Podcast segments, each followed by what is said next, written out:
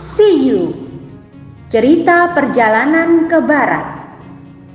Ditulis oleh Wu Cheng En Diterbitkan oleh Buana Sastra. Selamat mendengarkan.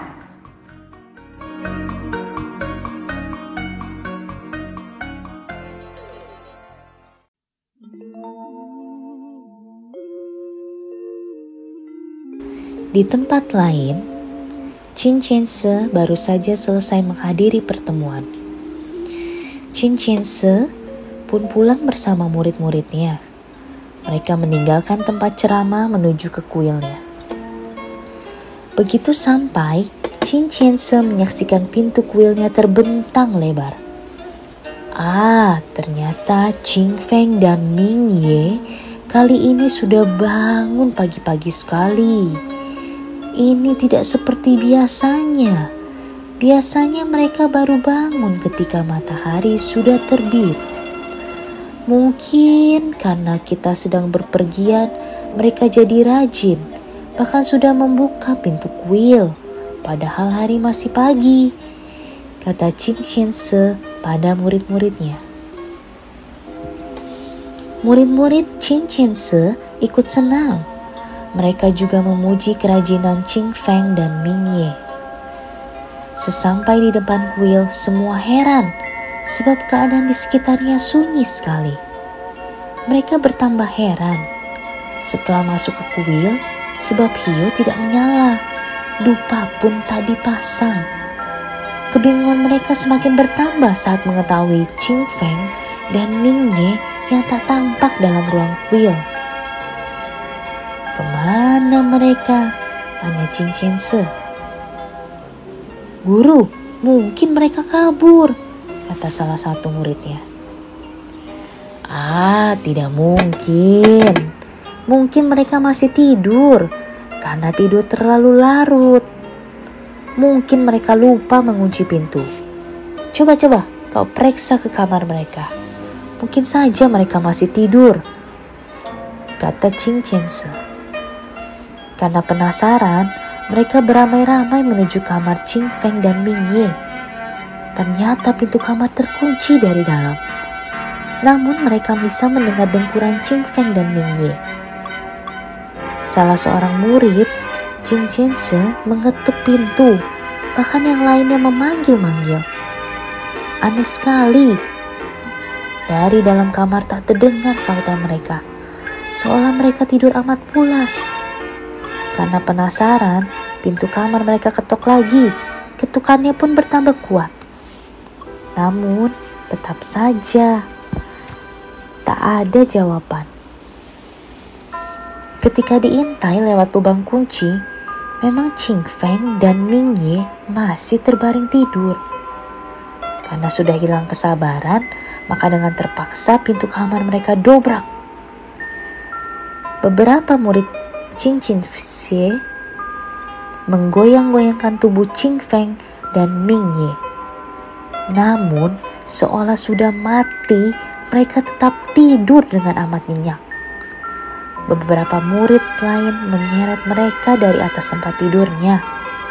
Namun Qing Feng dan Ming Ye tetap memejam matanya. Jin Xie menjadi sangat heran Menyaksikan kedua muridnya yang tak mau bangun, Chin Xie tidak marah, malah tertawa terbahak-bahak. Ah, aneh sekali. Mana mungkin ada orang yang tidur begini nyenyak, kata Chin Xie akhirnya. Barangkali orang yang mengerjai mereka telah datang. Lekas, ambil air. Tak lama salah seorang muridnya sudah kembali dengan seember air, lalu menyerahkannya pada gurunya. Chin Xie lalu membacakan mantra. Air itu ia minum, lalu ia semburkan ke muka kedua muridnya. Barulah Qing Feng dan Ming Ye mulai sadar. Mereka menggosok-gosokkan matanya seolah baru bangun dari mimpi indah. Menyaksikan gurunya dan saudara-saudaranya sudah kembali, tentu saja Qing Feng dan Ming Ye sangat terkejut. Dengan cepat mereka berlutut di hadapan gurunya. Eh, apa yang terjadi? Kenapa kalian tidur nyenyak sekali? Tanya Chin Si. Ching Feng dan Mingye lalu pergi ke ruang makan.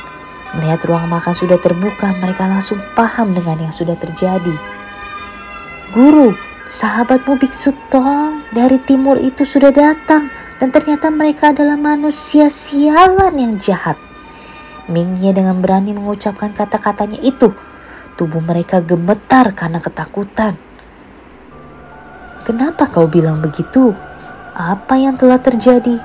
Coba ceritakan padaku, kata Chin Xie dengan sabar. Guru, apa yang guru katakan memang benar. Tak lama setelah guru berangkat, datanglah rombongan biksu Tong ke kuil kita.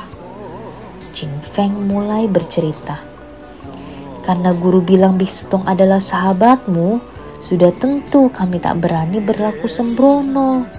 Dengan baik kami layani mereka. Tapi...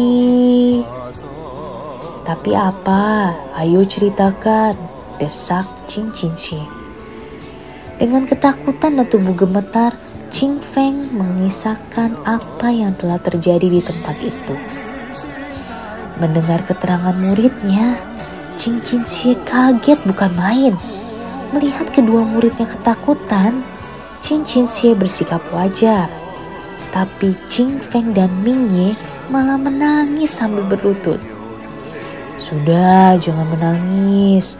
Aku yakin Biksu Tong sahabatku itu bukan penjahat. Dia orang baik. Aku yakin kalian tidak mengetahui riwayat biksu berbulu itu. Dialah Kitianda Sheng yang membuat huru hara di langit dulu sekali. Kesaktian biksu berbulu itu cukup tinggi tapi apa kau yakin mereka betul-betul biksu Tong dan murid-muridnya? Betul guru, jawab keduanya.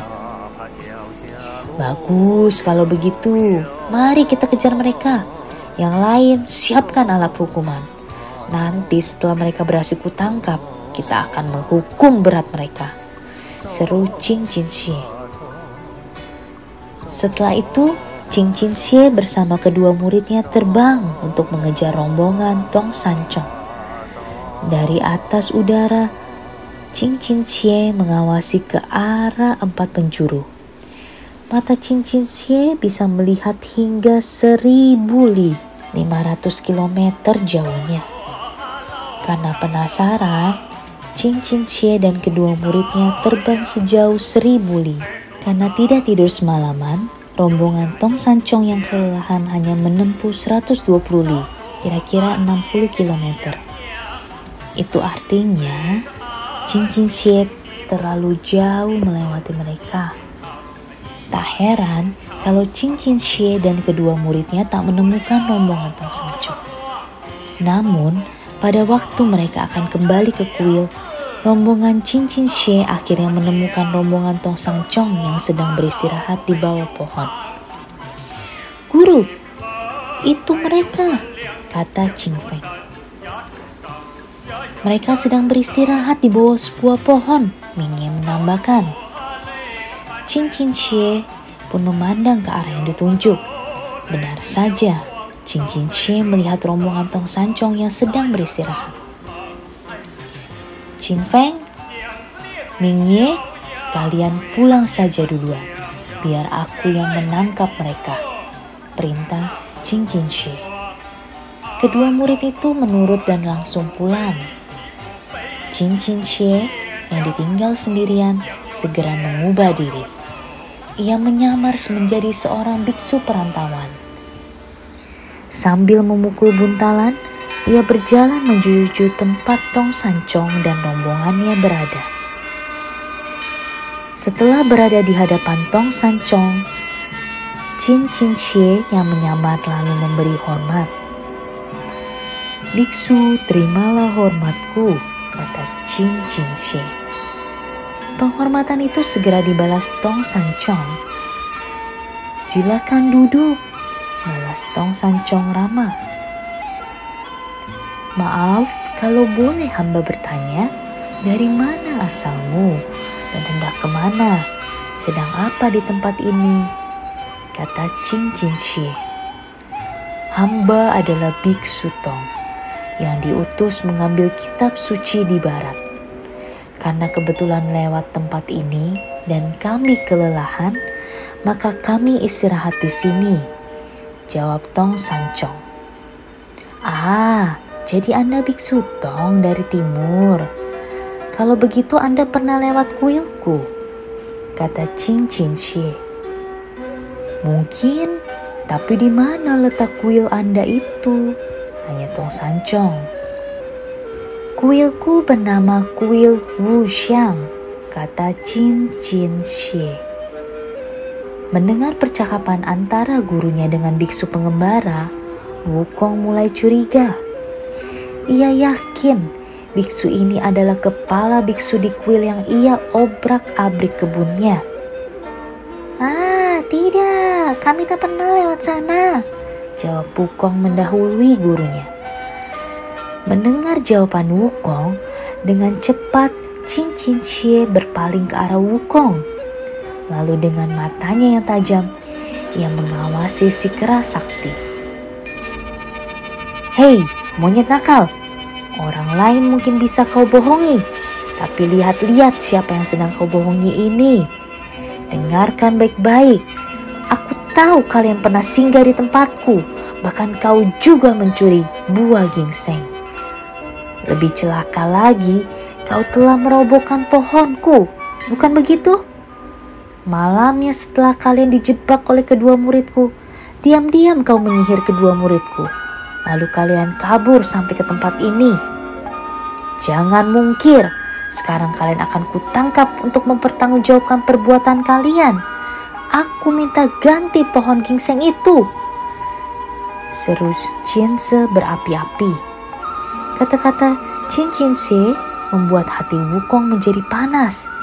Tanpa banyak bicara, ia menyerang ke arah Chin Xie dengan toya besinya. Mendapat serangan mendadak itu, Chin Xie segera mengelak, kemudian melompat ke angkasa. Melihat lawannya Wukong tak tinggal diam, ia pun melompat lalu mengejar. Di angkasa, Chin Xie kembali ke asalnya. Sekarang, cincin Xie tampak kembali muda, tetapi berkumis dan berjanggut. Begitu sampai, Wukong langsung menyerang cincin Xie. Kembali, cincin Xie menghindar.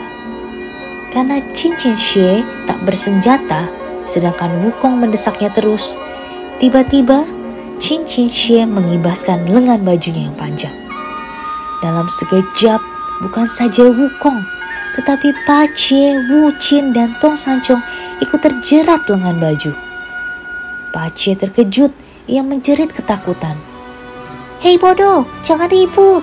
Sekarang kita berada dalam lipatan lengan baju lawan kita, kata Wukong. Ah, kalau begitu tenang, akan kugunakan garuku untuk mencabik lengan bajunya. Pace mendapat ide. Tanpa banyak bicara, Pace menggunakan garunya. Ia menyerang dengan brutal. Namun, serangannya sia-sia saja. Saat garu Pace mengenai lengan baju cincin Xie, baju itu berubah keras bagaikan baja. Setelah berhasil menawan rombongan Tong Sancong, tampak cincin Xie sangat puas. Dengan cepat ia membawa tawanannya pulang ke kuilnya. Tak lama, Chin Xie sampai. Tegas, kalian ambil tali, ikat mereka. Suruh Chin Xie pada murid-muridnya. Salah seorang murid Chin Xie yang membawakan tali tambang, kemudian mengikat Tong Sancong dan murid-muridnya. Mereka lalu diikat ke sebuah tiang. Muridku, lekas kau ambil cambuk kulit, kata Chin Chin Xie. Mereka bukan penjahat biasa, jadi tak perlu kita gunakan senjata tajam. Cukup kita cambuk mereka, karena perbuatan jahatnya telah merobohkan pohon gingseng. Salah seorang murid Chin Chin Xie sudah muncul sambil membawa cambuk kulit naga. Cambuk ini selalu disimpan dan direndam dalam air. Jadi, benda itu sangatlah berat. Tampaknya murid Chin Xie ini bertenaga besar. Guru, mana yang sebaiknya lebih dahulu ku hajar dengan cambuk? Tanya si murid. Hajar terlebih dahulu Biksu Tong. Dia yang tertua dan pemimpin mereka. Seharusnya dia bisa mencegah murid-muridnya berbuat jahat.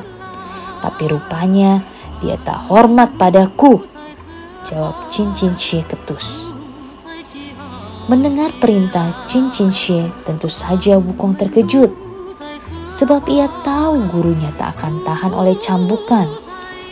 Wukong pun sadar bahwa yang bersalah adalah dia. Gurunya tak boleh menanggung hukuman. Dewa, hentikan! Seru Wukong tiba-tiba. Mau apa kau monyet jahat? Kata Chin Chin Xie. Yang mencari buah dan merusak pohonnya adalah aku, bukan guruku. Jangan kau siksa dia, kata Wukong. Ah, jadi kau pelakunya monyet sialan. Kalau begitu, hajar dia dulu, suruh Chin Chin Xie. Berapa kali dia harus kuhajar guru? Tanya muridnya.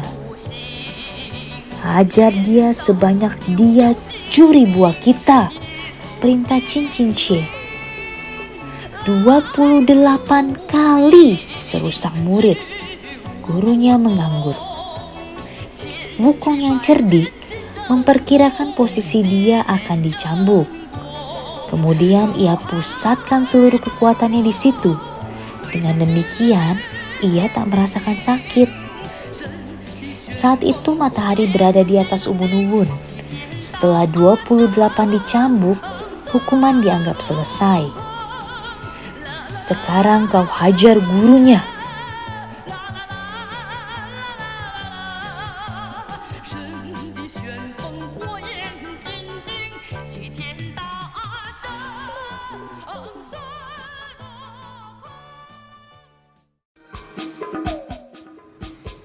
Dengarkan kisah selanjutnya. Terima kasih.